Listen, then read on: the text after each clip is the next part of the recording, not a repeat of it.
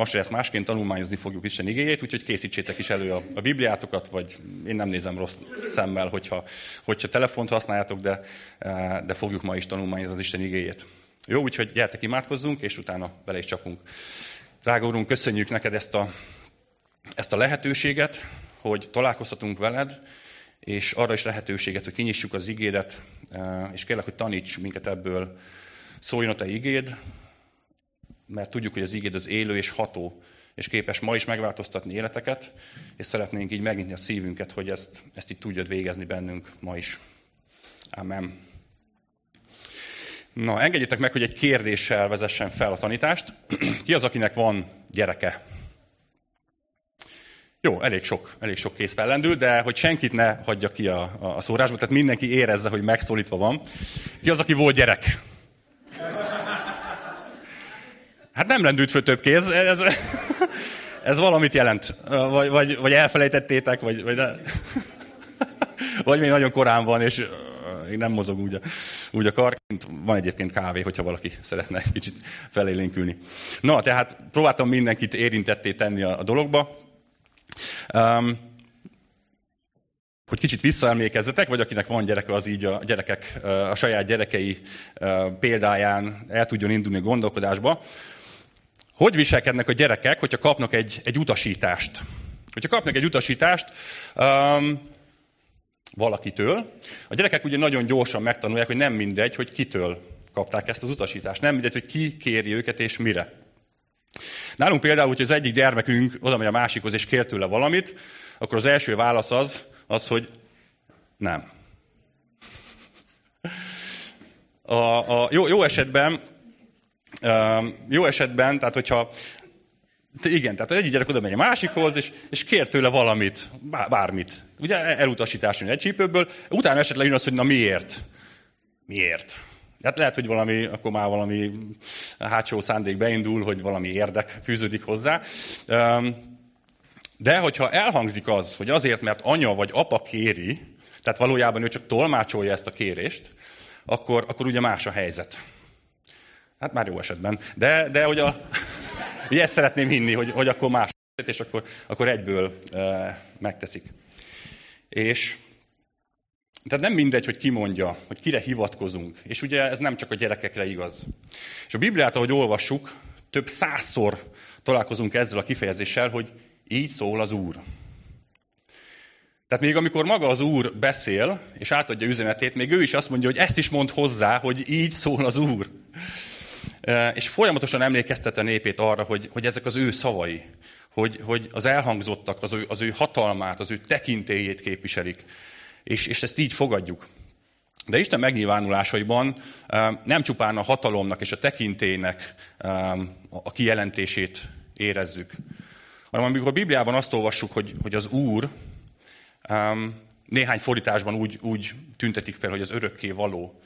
Ez mindig arra, arra négy betűből álló Istent jelentő kifejezésre utal, ez a JHVH vagy Jahve nevére utal, ami azt jelenti, hogy vagyok, aki vagyok. Ugye így mutatkozott be Mózesnek ott az égő csipkebokorban, hogy, hogy a vagyok. Hogy mit, mit mondjon Mózes, azt kérdezte, hogy mit mondja, ki küldött engem, és mondja, küld, mondd azt, hogy a vagyok küldött. Így mutatkozott be nekik, akik öröktől fogva vagyok, és örökké létezem. És ezért szeretem az örökké való kifejezést. Tehát ez a, ez a JHVH, az úgynevezett tetragrammaton, amit a zsidók annyira tisztelnek, hogy ki sem ejtik, hanem amikor ezt olvassák, akkor mindig azt mondják, hogy Adonai, az Úr. És ezért került a legtöbb fordításból szintén ez, a, ez az Úr megfogalmazást. Tehát ő így mutatkozott be, amikor kihozta őket Egyiptomból, így, így mutatkozott be, amikor szövetséget kötött velük.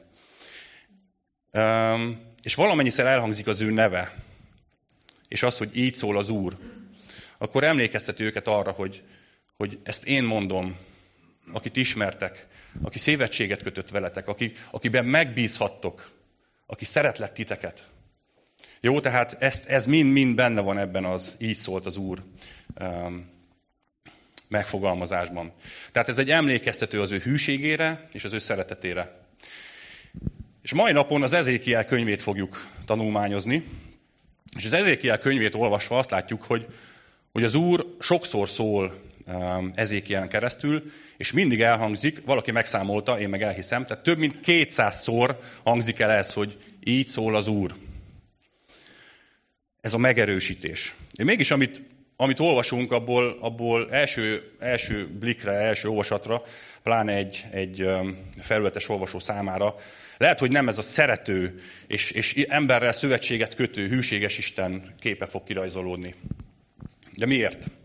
Nézzük meg ezt, a, ezt az időszakot egy kicsit közelebbről is. Ugye mi történik éppen? Tehát a júdai királyság korának vége van a Babilon megtámadja az országot, és elhurcolják. Elhurcolják első, első körben az uralkodó családot, a mesterembereket, a, a, a felső tízezret, kvázi mondjuk így, és ténylegesen nagyjából tízezer embert hurcolnak át Babilonba. Tehát amit látunk ebben az időszakban, háború van, rengeteg szenvedés, fájdalom, halál, és egy, egy büntető Istennek a képe rajzolódik ki Ezékiel könyvéből.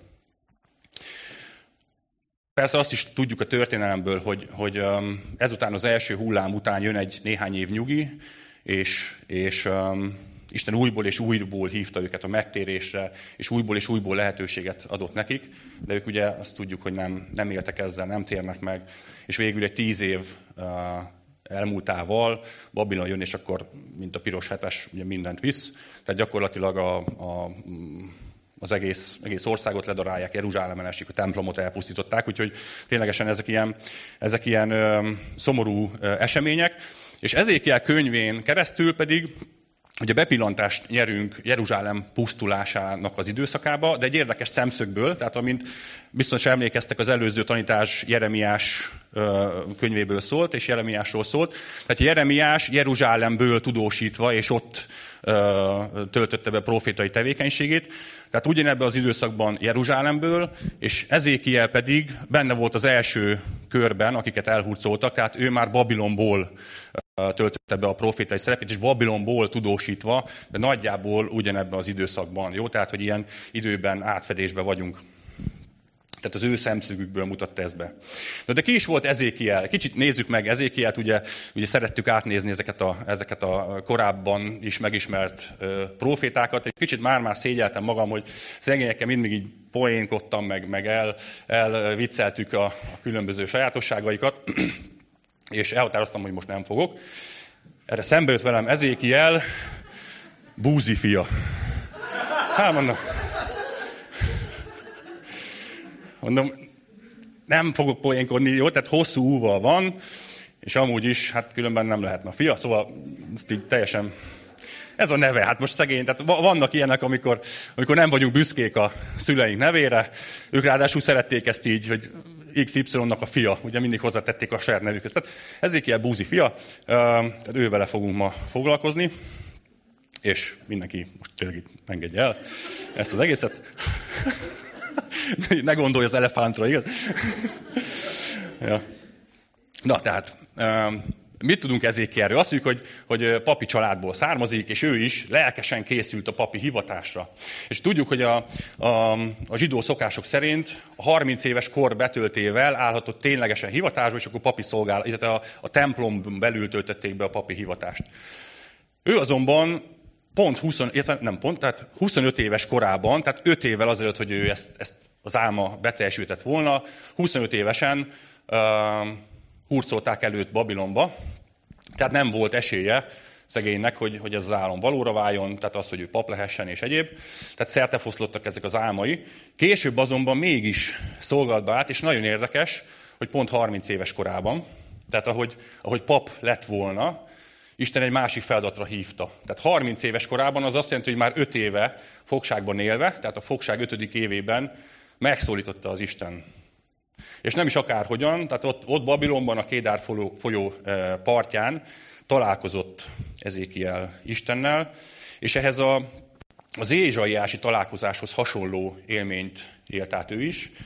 Eh, kerúbok, tehát dicsőséges mennyei lényeknek a jelenlétében magával Jézussal a dicsőséges isteni formájában találkozott, és ő maga személyesen hívta erre a papi szolgálatra. Nem fogunk nagyon mélyen belemenni ebbe, de bátorítok mindenkit, hogy olvassátok el, mert tényleg egy, nagyon izgalmas könyve ez is a Bibliának. Mit tudunk még Ezékielről? Tudjuk azt, hogy nős volt, gyermekeiről viszont nem tudunk. És, és ami érdekes volt így a profétai szolgáltában, hogy, hogy a, Jeruzsálemben bekövetkező ítéletet nem is annyira szavakkal, hanem, hanem ilyen érdekes cselekedetekkel és, és jelképes mozzanatokkal kvázi bemutatta a népnek és, és így hozta tudomásukra. Tehát érdekes például, hogy, hogy Egyiptomnak az ostromát azt egy, egy ilyen agyagtéglánt, agyagtégla jelképezte Jeruzsálemet, és, és el kellett játszani a sáncot építeni, meg az ostromot így, így, így kvázi lemodellezni, hogy, hogy megértsék, hogy most ez történik otthon, ez történik hogy Jeruzsálemben. Aztán a, fog, a fogságban menetelt azt azzal Jelképesztő, hogy egy ilyen kis batyúval, mint ahogy a foglyok vonulnak a fogságba, egy kis batyúval vonult ki a házából és vonult el. Tehát hogy ezzel mutatta, hogy, hogy így fognak majd fogságba menni. Aztán egy nagyon durva mozzanat is volt az ő életében, amikor Ugye tudjuk, hogy a, házasság, tehát Isten a profitáinak a, a házasságjait is kvázi szemléltetés céljából használta, mint, a, mint az egyház és az ő személyes kapcsolatát. És, és ugye Jeruzsálem eleste az, az egy nagyon ö, fájdalmas mozzanat volt Ezékiel életében is, ugyanis azon napon, amikor elesett Jeruzsálem, hirtelen az ő felesége is meghalt. Tehát, hogy tényleg nagyon, nagyon szívbemarkolóan Isten így, így, így, így ezt, ezt így megmutatta, és ezt így jelképezte, vagy, vagy jelezte, és ez így jelképezte az egész az, az népének is az eseményeit. és Ezékiel egy, egy nagyon különleges helyzetben volt próféta, úgyis gondoltok bele, hogy a nép idegenben van, királyi vezetés nélkül, templom nélkül, tehát egy olyan helyzetben, amiben korábban soha, soha nem volt a nép. Egy ilyen eddig nem tapasztalt nemzeti válság idején kellett neki Isten eszközének lennie, és ez különbözteti meg Ezékielt minden más profétától és a munkájától. És egy, egy nagyon komoly feladatra hívta el Ezékielt az Úr, már bocs, hogy ilyen szárazan, csak ilyen tanító jellege mondom ezeket, de, de szerintem ez tök jó, hogyha egy kicsit így átlátjuk, és kicsit így, így, így meg, mögé látunk a, a, a könyvnek a, a, a mögöttes ismeretére is. Egy nagyon komoly feladatra hívta Ezékiát az Úr, és ez, ez szerepel egy ilyen központi szerepben az ő könyvében, mint egy őrállónak kellett helytállnia. És mit csinál az őrálló, hogy amikor jön az ellenség, akkor én figyelmeztetem a népet. És Isten azt mondja, hogy te egy őrálló leszel, és figyelmeztetned kell a népet arra, hogy a bűnöknek következménye van. Ha jön a bűn, akkor büntetés von maga után. És ez volt a feladata Ezékielnek, hogy, hogy hirdesse azt, hogy bűnt követtetek el, és, és, és térjetek meg, mutassatok bűnbánatot, különben, különben ténylegesen utolér a, a büntetést titeket. De ugyanakkor hirdette Isten kegyelmét is, hogyha, hogyha valaki belátja a hibáját, és meg akar változni, akkor Isten új lehetőséget ad. Mindig új lehetőséget ad. Ezt más sem szemlélteti jobban, mint az Ezékiel 33-ból a 11-es verstől olvasva. Ezt mond nekik, életemre mondom, így szól az én Uram, az Úr, hogy nem kívánom a bűnös ember halálát, hanem azt, hogy a bűnös megtérjen útjáról, és éljem.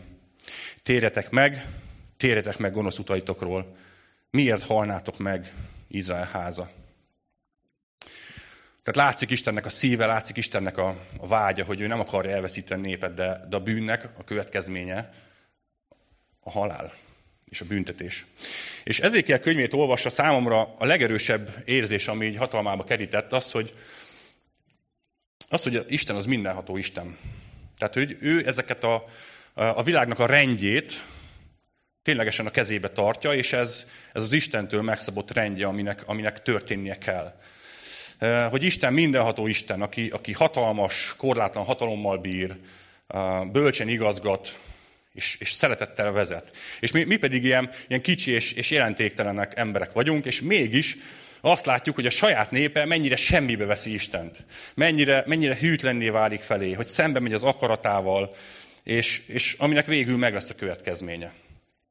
És ugyanezt látom ma is. Tehát tudok egy, egy abszolút egy párhuzamot vonni, így az akkori események és a mostani világban zajló események között, hogy, hogy az emberek semmibe veszik, szembe mennek az akaratával, sőt, gyakorlatilag számon kérik Istent, hogy mit miért tesz, és hogy meri. És ez annyira, annyira ilyen arrogáns így a mi részünkről. Hogy engedhet meg a dolgokat az életünkben, vagy a más életében? Hogy engedheti meg, hogy legyen szenvedés? Hogy engedheti meg, hogy ez és ez történjen, hogy háború, meg éhínség? Tudjátok, ezek a klasszikus fölvetések így Isten, Isten vádolva. Hogy milyen Isten ez?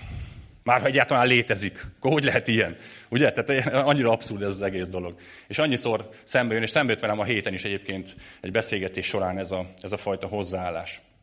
És képzeljétek el, hogy, hogy nyáron Horvátországban nyaraltunk, és és egy érdekes dologra lettem figyelmes. Bizonyára sokan tudjátok, hogy az autóknak a hátulján fölszokták a keresztények sok esetben. Nem azt mondom, hogy csak, a, hogy, hogy csak az a keresztény, aki fölrakja, de, nem, de, de alapvetően aki odaragasztja a kocsiára azt a kis halacskát, az feltehetőleg kereszténynek gondolja magát. Ki az, akinek fönn van a kocsiján a halacska? Na most lebuktatok. Á, János, nagyon megmentetted a hazabecsületét. Köszönjük szépen. Na, szóval biztos mindenki ismeri ezt a, ezt a kis hal jelképet, ami a, ami a, ez megvan, hogy ez a, a görög hal, tehát az iktusz um, uh, szóból származik, és hogy ez mozaik szóként mennyire jól visszaadja ezt. Ez megvan, Csabi? Vagy e, a te kedvedére elmondom, tehát az iktusz, ez a Jézus Krisztus, teu hűos szótér. Tehát, hogy ez a Jézus Krisztus, Isten fia megváltó. Most a, a, a görög tanárom elmorzsolt egy könycsepet szerintem így a, a, a szeme sarkában, és, és és ö, ö, egy kis ötöst majd azért karcoljunk be. Na, tehát tényleg ezt jelenti, Jézus Krisztus, Isten fia, a megváltó, tehát ezt jelenti a, az iktusz szónak a görög betűi, és és ezt szeretjük így használni, ezt a, ezt a kifejezést. Na, és rákanyarodva, hogy mit is láttam Horvátországban. Eh, az egyik autón volt egy, volt egy ilyen halacska, és tök jó, hát ugye szeretem látni ezeket a halacskákat, tesó, minden. És kicsit furcsálottam ezt a halat. Ezt közelebb mentem, már sötétedett, és közelebb mentem, és nem akartam elhinni, amit látok, hogy e, ennek a halnak voltak ilyen kicsi lábai lábai nőttek, és volt beleírva a halba is valami, ugye be szokták írni, hogy Jézus, vagy valami egyéb. Nem az volt beleírva, az, hogy Darwin. Ké, igen, kb. én is ezzel a, ezzel a, a, a reakcióval reagáltam le ezt a dolgot. Úgyhogy ér, érdekes. Tehát ez volt ez a lábas hal, ugye, amelyik a hiányzó láncem az evolúcióból, és Darwinnak a sztoria, és mi egymás. Tehát tudjátok, hogy ez, ez, ez mit jelent, és mindezt ilyen megtévesztő módon tényleg egy halat odaragasztva a, kocsi a hátuljára, egy, egy ilyen fricskaként, hogy nesze nektek keresztények, én egy ilyen halban hiszek, nem egy olyanban, amiben ti. És lehet, hogy ezt sokan észre se vették, vagy, vagy nem tudom, poénnak gondolták az egészet, de számomra ez egy, ez egy égbe kiáltó arrogancia. Az, hogy um, kihirdetem, hogy én, én nem hiszek Istenben, mint teremtőben, hanem csupán, csupán a véletlenekben, az évmilliárdokban, és, és az, hogy minden a véletlen műve, az egész világ, és benne én is, ami vagyok, az, az tényleg egy, egy véletlennek a, a, a, a véletleneknek az egybeesése. És eljátszva ezzel a gondolat egyébként számomra ez egy nagyon ijesztő alternatíva lenne, hogy minden a véletlen műve.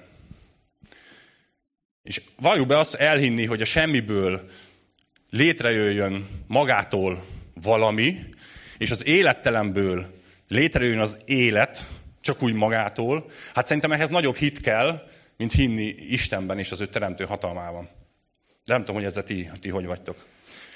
Aztán számon kérjük Istent a, a bölcsesség és igazságosság terén is, mi, akik hát bölcsnek, e, és, és az ismeretünket nem, nem tudom, nem tartom olyan nagyra. Tehát, hogy e, igazándiból elég korlátozottak vagyunk ezben a tekintetben is. Az igazságunkról pedig nem is beszélve. Az igazság az most már olyan, olyan szubjektív fogalom lett, nem? Tehát amit én igazságnak gondolok, azt lehet, hogy te nem tartod igazságnak, viszont amit te igazságnak tartasz, azt már ő nem tartja igazságnak, tehát gyakorlatilag ne is menjünk ebbe bele, mert, mert olyan, hogy igazság már lassan nem is létezik.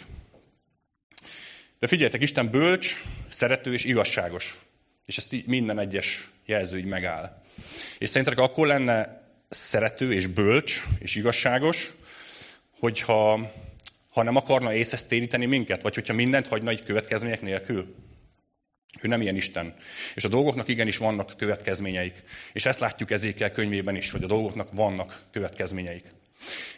Az előbb, ha már gyerekes példát használtam, nem tudom, hányan szoktátok alkalmazni ezt a hogyha vala, a gyereked nem, nem úgy viselkedik, nem akar megcsinálni valamit, hogy nagyon rosszakodik, hogy most ha háromig fogok számolni. Jó? Tehát, hogy egy, kettő, három és fél, vagy kettő és fél, meg kettő és három negyed. Jó, tehát húzzuk, húzzuk, mert csak nem akarja megcsinálni. De um, mi történik háromnál? Mi történik háromnál? Vi, vi, legalább, legalább világvége. Um, én megvalom őszintén, hogy néha csak blöffölök. De próbálom nagyon erélyesen és határozottan számolni, hogy, hogy ne kelljen elmenni háromig. De, de ha nem jön el a háromnál a, a, a számonkérés, nem jön el a büntetés háromnál, akkor ezt fölöslegesen csináltuk az egészet. És a feleségem bőszen bólogat. Igen. Milyen bölcs vagyok itt kint, otthon meg... De figyeljetek, Isten, Isten nem, nem így számolt, hogy egy, kettő és három, és oda, oda verek. De, de szólt, és szólt, és szólt, és vár, és vár, és vár. De a végén eljön, eljön a vége. Tehát eljön az, amikor azt mondja, hogy oké, okay, eddig is ne tovább. És jön a büntetés. De melyik szülő szereti jó szívvel büntetni a gyerekét? Ki örül annak, hogyha, hogyha sír a gyerek, vagy, vagy, vagy fáj neki, vagy, vagy értitek? Senki. Viszont szeretetből teszed a gyerek érdekébe, hogy, hogy megváltozzon, hogy formálódjon. Figyeljetek, ezékiel 11-ből felolvasok egy néhány verset, hogy mi volt Istennek a szándéka, mi volt az Istennek a szíve. Így szól az én Uram, az Úr. Elvetettem őket messzire a pogányok közé, szétszélesztettem őket más országokban. De én vagyok a szentélyük egy kis időre azokban az országokban, amelyekbe jutottak. Ezért mond, így szól az én Uram, az Úr. Összegyűjtelek benneteket a népek közül, és összeszedlek azokból az országokból, amelyekbe szétszélettetek, és nektek adom Izrael földjét.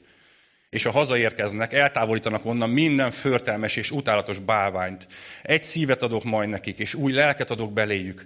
Eltávolítom testükből a kőszívet, és hús szívet adok nekik, hogy rendelkezéseim szerint éljenek, törvényeimet megtartsák és teljesítsék.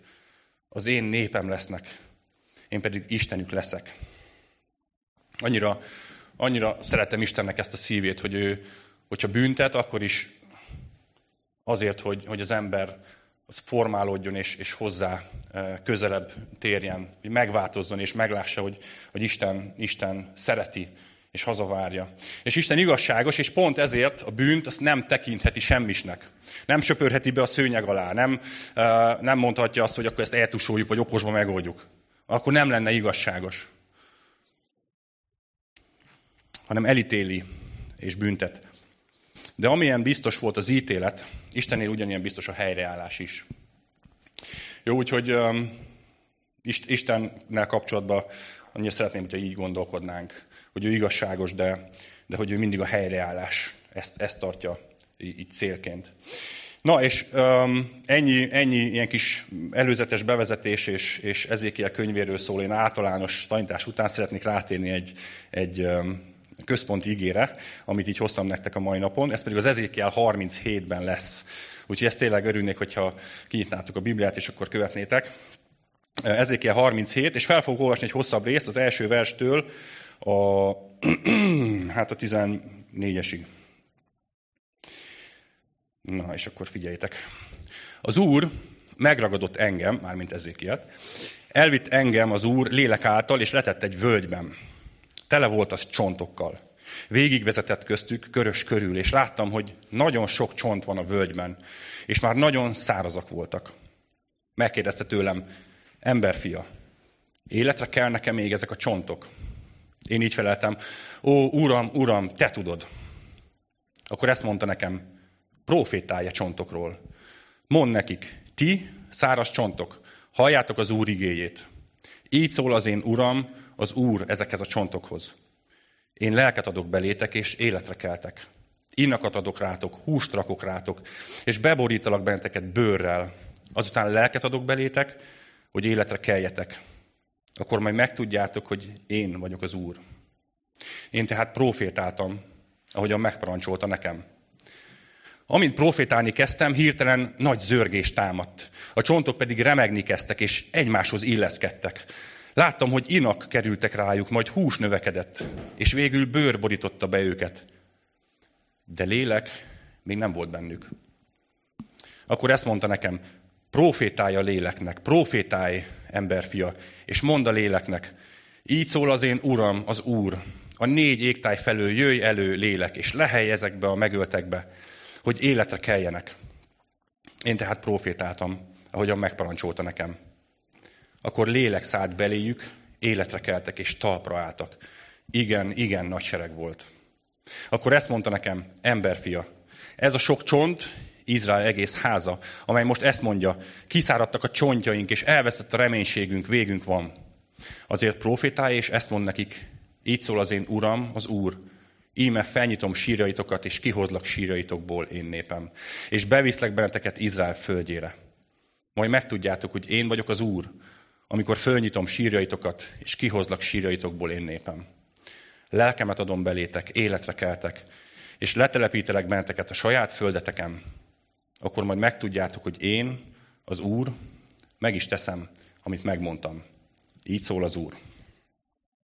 Na ez volt ez, a, ez az igerész, ami, amit olvasva, de nekem egy, egy, egy gyönyörű ezt, ezt így olvasni, és ezt így, így, így átélni, és um, um, remélem, hogy, hogy, hogy nektek is élvezett volt ezt így hallgatni, de nézzük meg, ezt bontsuk így ki kicsit jobban, hogy mi is történik itt. Ezért ilyennek ugye van egy, van egy um, egy élménye. Egy, egy nagyon, nagyon is valóságos élmény. Tehát nem, nem hiszem, hogy ez egy álom volt, vagy ez egy ilyen látomás, hanem Isten megfogta, és, és, és egy e, elvitte lélek által, de a, de a szellemi valóságot látta. Tehát ez kvázi a szellemi valóság volt, amivel Ezékiel itt találkozott, és annyira intenzíven és annyira részletgazdagon mutatta be, hogy itt mit lát és mi történik, hogy ez mint, mint, egy, mint egy ilyen igazi valóságot közvetített. És mi történt? Végigment, végigmentek ezen a, ezen a völgyön, ami tel is tele volt csontokkal, emberi csontokkal. És körül, körös körül járták, és látta Ezékiel, hogy, hogy ezek csontok, hogy ez rengeteg sok csont, tehát meghalt embereknek a maradványai, de hogy ezek már a csontok is szárazak voltak, tehát már régóta, régóta meghaltak. Itt hevertek. És a kérdés, amit az Úr kérdez Ezékieltől itt a harmadik versben, az az, az Ószövetség egyik legfontosabb kérdése volt. Életre kell nekem még ezek a csontok? Tette fel a kérdést az Isten. És az Izrael népe, aki egykor egy, egy hatalmas és győzelmes hadsereg volt, eh, már nem volt más, csak egy, egy völgyben eh, szétterülő csontkupac. Tehát halottak, melyek régen meghaltak. Szana szétheverő csontok. És ez nemzeti és szellemi szinten is igaz volt Izraelre ez a kép. Tehát meghaltak, véget értek. Tehát kvázi itt véget érne a történet. Véget érhetne az ószövetségi történet. A kérdés az költőinek tűnhet, hogy újjáélethetnek, megújulhatnak még? Vagy ez már esélytelen? De akkor mi lesz Isten ígéretével? Akkor azok is oda vesznek? Um, azok is a sírba hullanak. Istennek volt egy terve, hogy Ábrahámból támaszt egy, egy népet, és majd rajtuk keresztül küldjen a megváltót. És akkor ennek az egész tervnek annyi? Hogy újjáélethetnek még ezek a száraz csontok? És emberileg a válasz, nem. Hogy kelhetnének. Tehát ezek nem is, nem is friss halottak, hogy, hogy még gyorsan a vészhelyzetben láttuk, kiütjük, és akkor, na, értsetek jól, tehát, hogy még az is nagy csoda lenne, hogyha életre kelnének a friss halottak, de ezek már csontok voltak, értitek? Csont, kupac. Hogy kelhetne ez életre? Ki vannak, azok is ki voltak száradva. És mégis Ezékiel, aki, aki látta Istennek a dicsőségét, az uh, érezte, hogy itt nem az emberi válasz fog kelleni. És azt mondta, hogy hát, ó, uram, uram, te tudod. Én nem, te tudod. És figyeljetek, Isten a, a szavával megteremtette, megteremtette a világot. A nem létezőből létrehozta a létezőt, a valóságot. És, és, és a, a, a föld porából, a föld porából úgy, hogy belelehelte az életet, létrehozta az életet, létrehozta az embert. A, így lett az ember. Egy, egy öreg és gyermektelen házaspárból és Ábrahám és Sára, Ábrahám száz éves volt, Sára 90, tehát kvázi így, így odalent halottak voltak, jó? Tehát alkalmatlanok voltak bármire is. halottak voltak. És mégis őtőlük uh, született meg egy gyermek, aki, akiből az egész nép létrejött. És, és ő volt az a, az a megígért fiú. És um, gyakorlatilag Istennek a szavára, a halálból élet lesz. Számára, számára nincs lehetetlen a sír, a halál, az nem állhat ellen az ő munkájának. A feltámadás és a halálból az élet az Istennek a specialitása. Isten tehát megparancsolta Ezékielnek, hogy profétáljon. És most ezt értsétek jól, mond, beszéljen, beszéljen hozzájuk. És ő elkezdett beszélni. Elkezdett beszélni a um, kiszáradt és halott csontoknak. És ez, ez bármennyire is őrültségnek tűnt, de ez volt a feladat. Szerintetek nem volt két Ezékielben? Tehát gondoljatok már bele, ott egy kupac csont mellett mész, és mondjuk beszél csontokhoz. Hát még jó, hogy nem látják, mert hülyének gondolnak, hogy beszélgetek itt ezekhez a csontokhoz. De ez volt a feladat, beszélj a száraz csontokhoz. És, és ezékiel engedelmeskedett. Ezt mondta, hogy halljátok az Úr igéjét, ti csontok, halljátok az Úr igéjét, így szól az én Uram, az Úr. És elkezdett beszélni a csontokhoz. Sok évvel később Pálapostól elismerte azt, hogy, hogy, hogy a kereszt, Istennek az üzenete, Istennek a szava, így az elveszett és szellemileg halott um, emberiséghez, az hasonlóan bolondságnak tűnhet. Bolondságnak tűnhet azoknak, akik elpusztulnak. Ezt így az 1 Korintus 1-ben, hogy mert a keresztről szóló beszéd bolondság ugyan azoknak, akik elvesznek, de nekünk, akik üdvözülünk, Istennek ereje. És ezékiel bármennyire is bolondságnak gondolta ezt, így első blikre, de beszélt.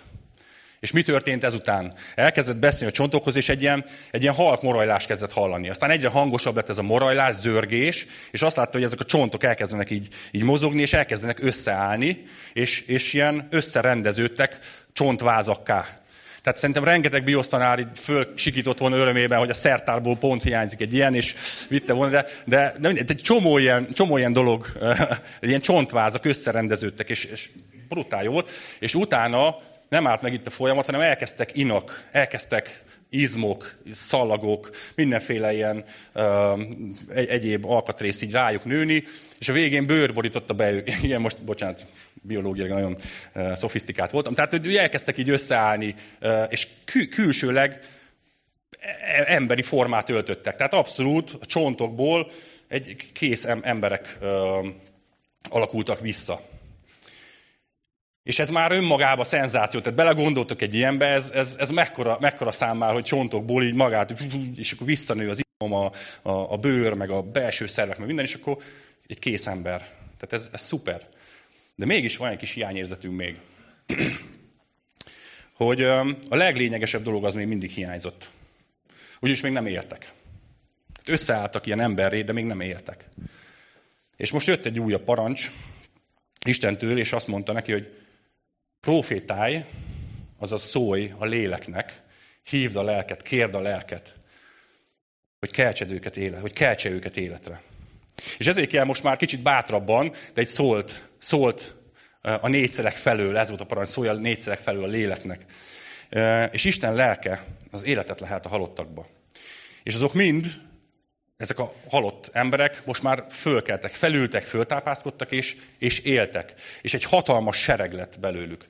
Tehát ez, ez, ez, ez azt mondom, hogy wow, hogy micsoda, micsoda sztori. Így, így, így Istennek ez a, ez, a, ez a munkája, ez a, ez a száraz csontokból, emberi szemmel, esélytelen ez egész folyamat, és, és ott álltak, ott állt ez a nép. És ez, nem tudom, hány, hányatoknak tetszett ez a történet, vagy hány, hányatok gondolja, hogy ez fú, nagyon, nagyon lelkesítő, és tényleg milyen szuper egy ilyen csodálatos esemény.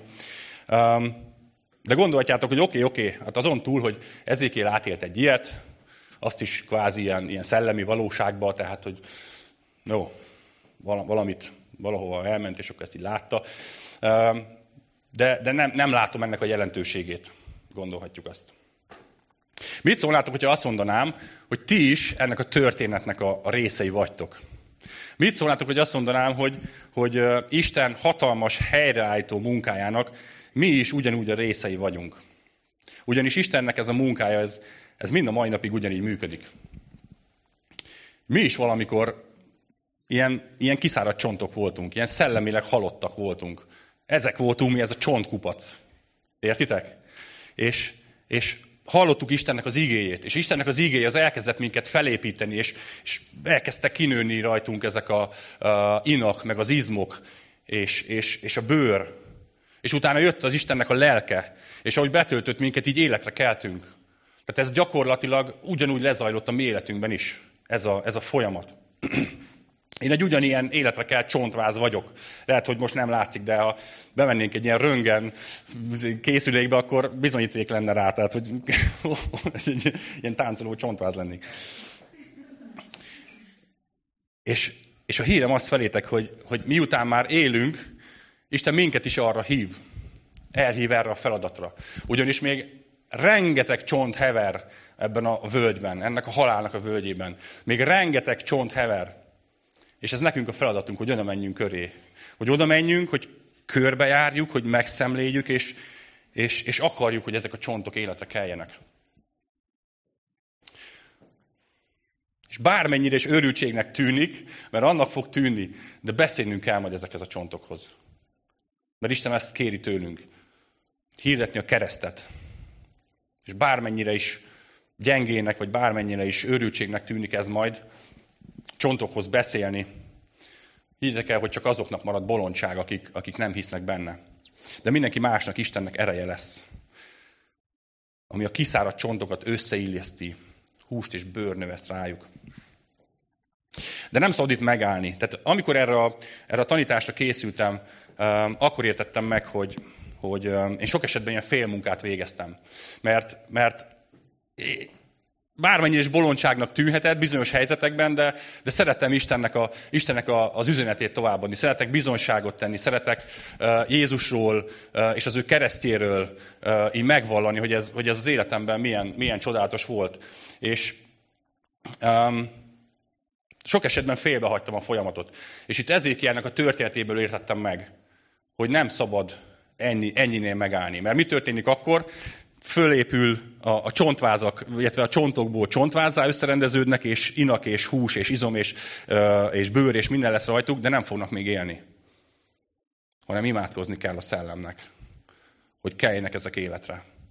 És én ezt értettem meg ebből a történetből, hogy, hogy um, imádkozni kell utána értük, ezekért az emberekért. Imádkozni kell azért, hogy, hogy um, ezt egyedül csak a lélek tudja megtenni a léleket, lélek, lelket, Istennek a lelkét kell kérni, hogy, hogy ez az ember, aki hallotta az üzenetet, és, és, és nem tudom, hogy hogy áll, nem tudom, hogy rezege már az a csont, vagy, vagy elkezde már összeállni csontvázzá, és, és nem, nem látom ezt a, ezt a szellemi valóságot, de hiszem, és azért kell imádkozni, hogy az Isten lelke az, az jöjjön, és ő keltse életre. És Isten az, az ma is végzi ezt a feladatot. A halálból életet ad, mert Istennek ez a specialitása. Isten, Isten meghív erre a feladatra, hogy, hogy, hogy Isten munkatársai legyünk. És higgyétek el, hogy, hogy Isten képes életet lehelni, még a leghalottabb, na várjátok, van ennek fokozása? Tehát, hogy halott, nagyon halott, valottabb, leghalottabb, van? van, van Szerinted van? Oké, okay, akkor. Tehát a leges, leghalottabb állapotban lévő szituációba, emberbe, népbe, bármibe Isten képes életet lehelni. Amit mi már, amiről mi már rég lemondunk, vagy amit mi már el is temetünk, vagy, vagy már rég el is temettünk. Isten arra is, Isten azt is képes még életre, életre visszahozni. És szerintetek milyen, milyen reménye lehet az embereknek, akik Isten nélkül élnek? Semmilyen. Emberi szempontból semmilyen remény, semmilyen esély. Viszont Isten oldaláról ott van a vágy, hogy reményt és életet adjon nekik. Lukács 19-ben ezt olvassuk, mert az emberfia azért jött, hogy megkeresse és megtartsa az elveszettet. És Isten szavában hatalmas erő van. És amikor mi bizonyságot teszünk a Jézusról, a lélek által, akkor Isten képes kihozni embereket a szellemi halálból az életre.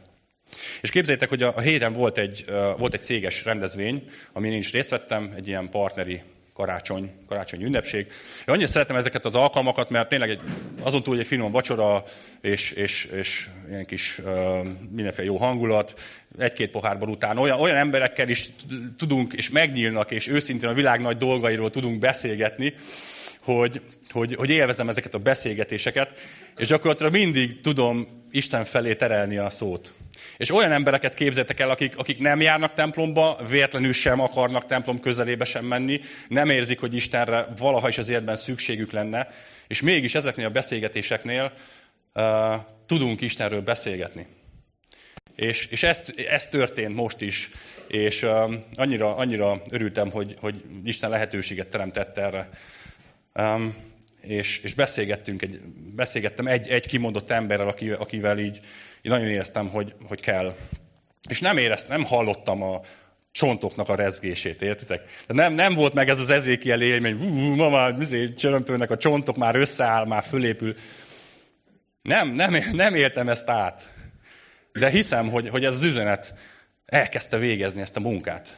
És hiszem, hogy ez, ez, ez előbb-utóbb összefog be, és bízom benne, hogy lesz még lehetőség, hogy, hogy tovább épüljenek azok a kis izmok és inak és mi egymás.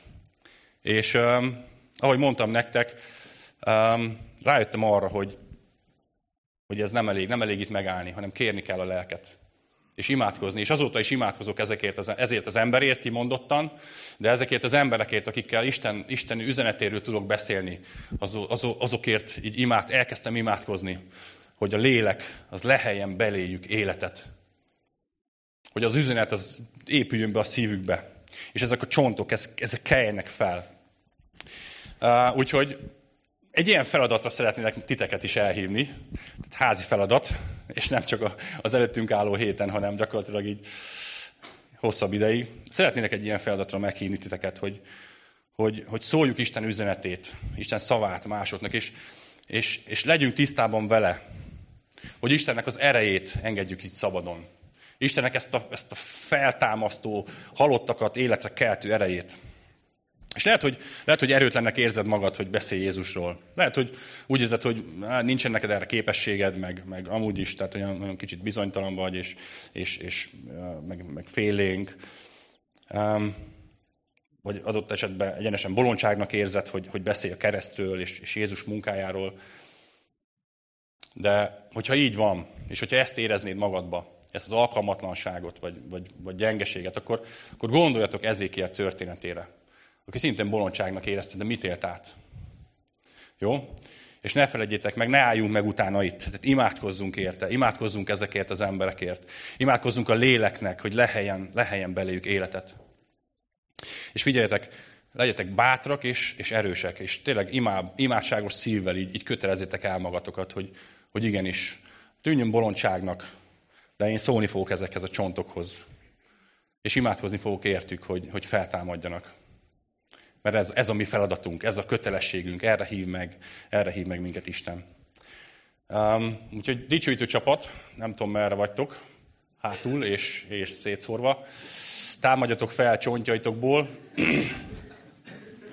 és um, gyertek ide, még egy záró gondolatot szeretnék. Um, figyeljetek, de látok, még élet még nincs bennük. Ó, lélek.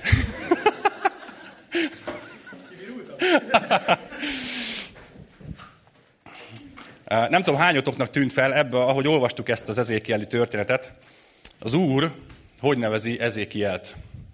Úgy nevezi, hogy emberfia. És nem tudom, hányan, hányatoknak jut eszébe erről a szóról valami, vagy erről a megnevezésről valami, hogy kinevezte még így magát.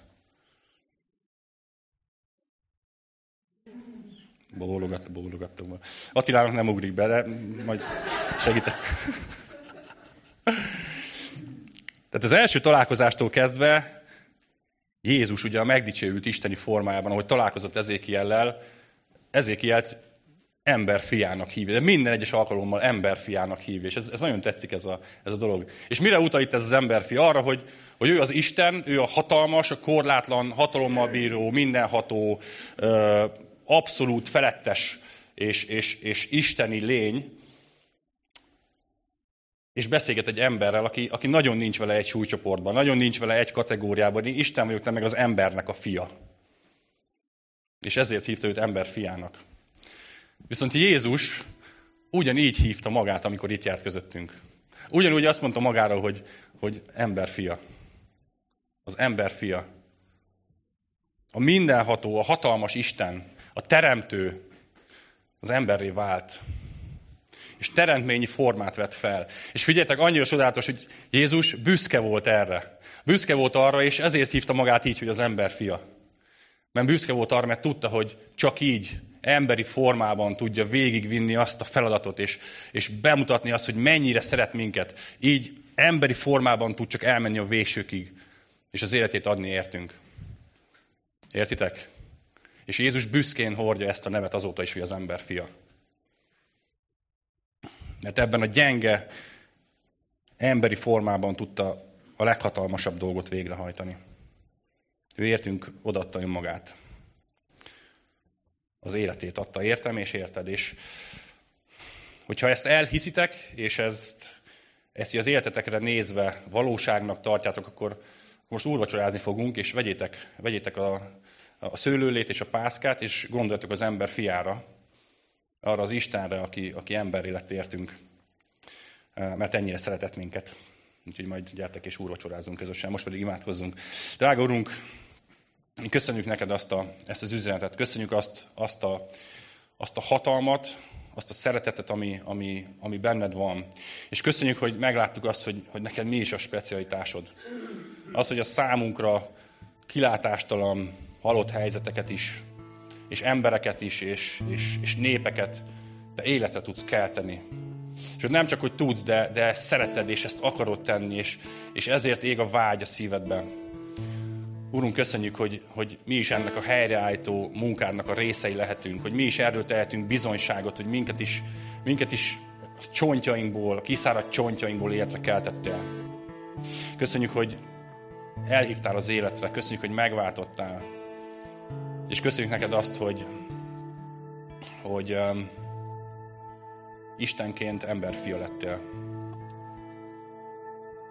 Köszönjük neked azt, hogy, hogy önmagadat adtad, hogy ennyire alázatos vagy, ennyire szerető vagy, és szeretnénk most rád emlékezni. Amen.